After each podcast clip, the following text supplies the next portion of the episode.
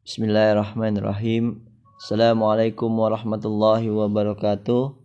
Innal hamdalillahi nahmaduhu wa nasta'inuhu wa nastaghfiruh wa na'udzu billahi min sururi anfusina wa min sayyiati a'malina may yahdihillahu fala mudillalah wa man yudlil fala hadiyalah wa ashhadu an la ilaha illallah wahdahu la syarikalah واشهد ان محمدا عبده ورسوله يا ايها الذين امنوا اتقوا الله حق تقاته ولا تموتن الا وانتم مسلمون يا ايها الناس اتقوا ربكم الذي خلقكم من نفس واحده وخلق منها زوجها وبث منهما رجالا كثيرا ونساء wattaqullaha allazi tasaaluna bihi wal arham innallaha kanu alaikum raqiba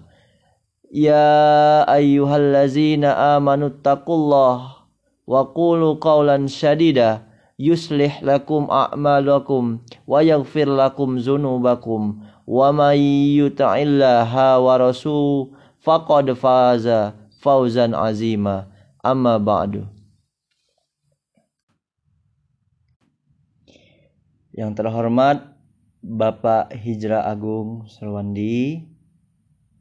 Dan yang saya hormati teman-teman sekalian yang mendengarkan audio saya ini. Marilah kita tidak henti-hentinya memanjatkan puji syukur kepada Allah. Karena dengan nikmatnya Allah masih memberi kesempatan untuk hadir dalam uh, tausiah saya ini. Semoga dalam tausiah ini kita semua mendapat rahmat dan ampunan Allah Subhanahu wa taala. Dikarenakan Nabi Muhammad sallallahu alaihi wasallam bersabda, "Tidakkah suatu kaum yang duduk di rumah Allah, mereka mempelajari Quran, mereka mempelajarinya kecuali malaikat mengepakkan sayapnya." Tinggal menunggu hitungan hari lagi kita akan memasuki bulan penuh barokah, Ramadan Mubarak. Dan kita tidak lupa juga menyiapkan bekal-bekal apa saja yang mesti kita siapkan dalam menghadapi bulan suci ini. Adapun saya mengumpulkan dari berbagai sumber, kita akan melihat tiga bekal yang semestinya disiapkan sebelum memasuki bulan Ramadan. Adapun yang pertama yang kita siapkan yaitu bekal ilmu. Bekal ini amat utama sekali agar ibadah kita menuai manfaat, berfaedah, dan tidak asal-asalan.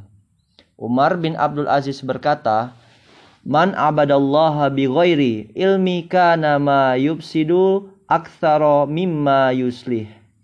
Barang siapa yang beribadah kepada Allah tanpa ilmu, maka dia akan membuat banyak kerusakan daripada mendatangkan kebaikan.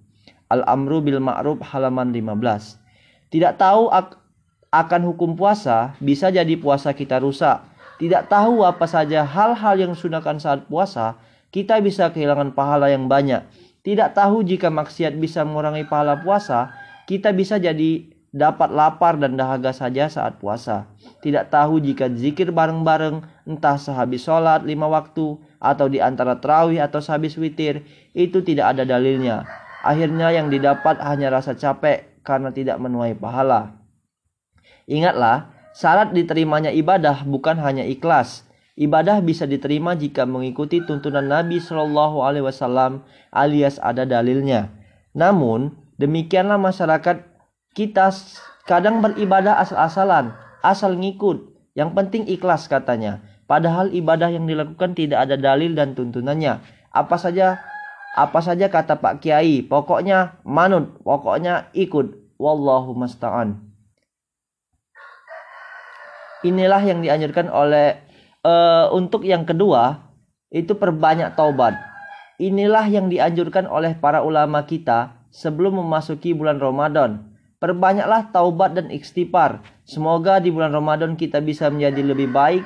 Kejelekan dahulu hendaklah kita tinggalkan dan ganti dengan kebaikan di bulan Ramadan.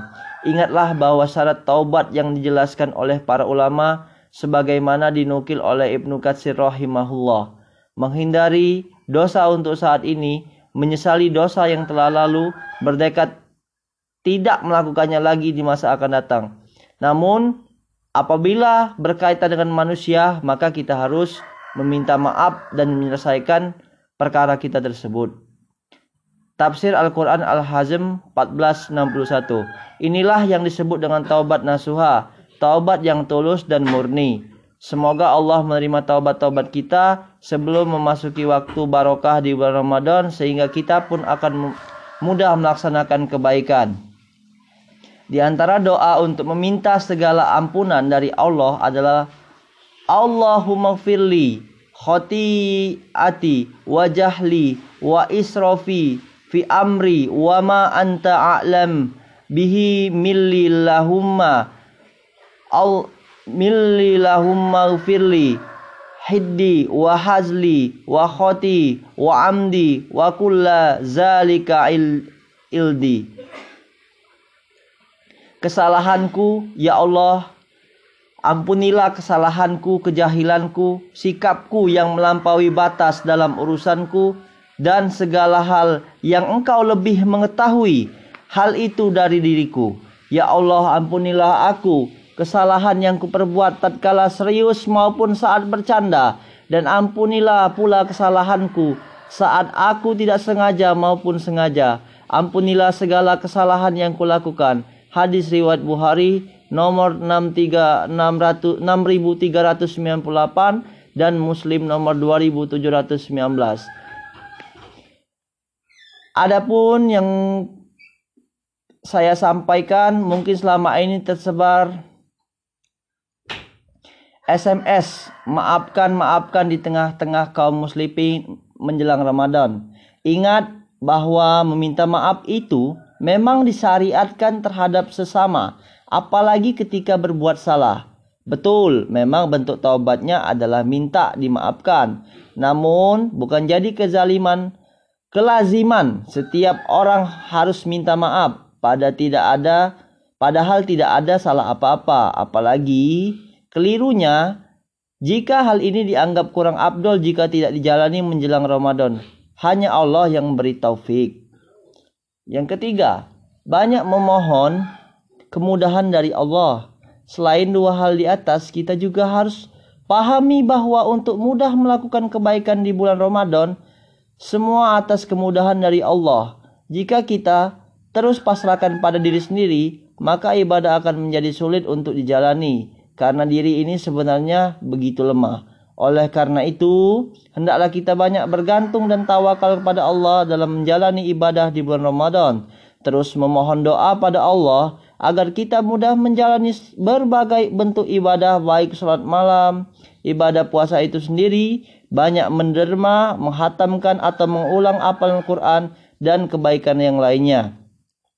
Doa yang bisa kita panjatkan untuk memohon kemudahan dari Allah adalah Allahumma la sahla ila ma ma ja'aitahu sahla wa anta taj'alul hazna idza syi'ta sahla.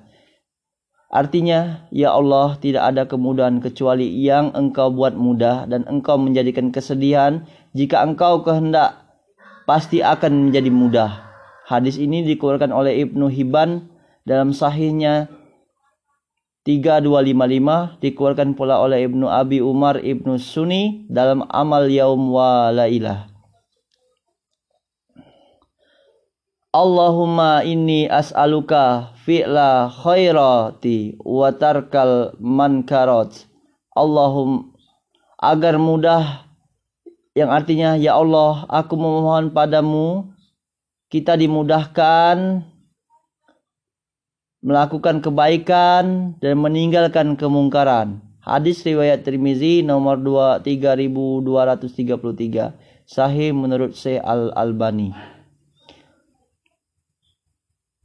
Semoga Allah menjadikan Ramadan kita lebih baik dari sebelumnya.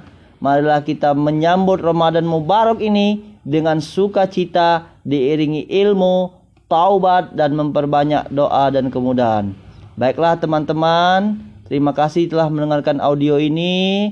Semoga kita dimudahkan segala urusannya oleh Allah Subhanahu wa taala. Sekian tausiah dari saya. Nama saya Adi Satria. NIM 1000 11 2018 177. Wassalamualaikum warahmatullahi wabarakatuh.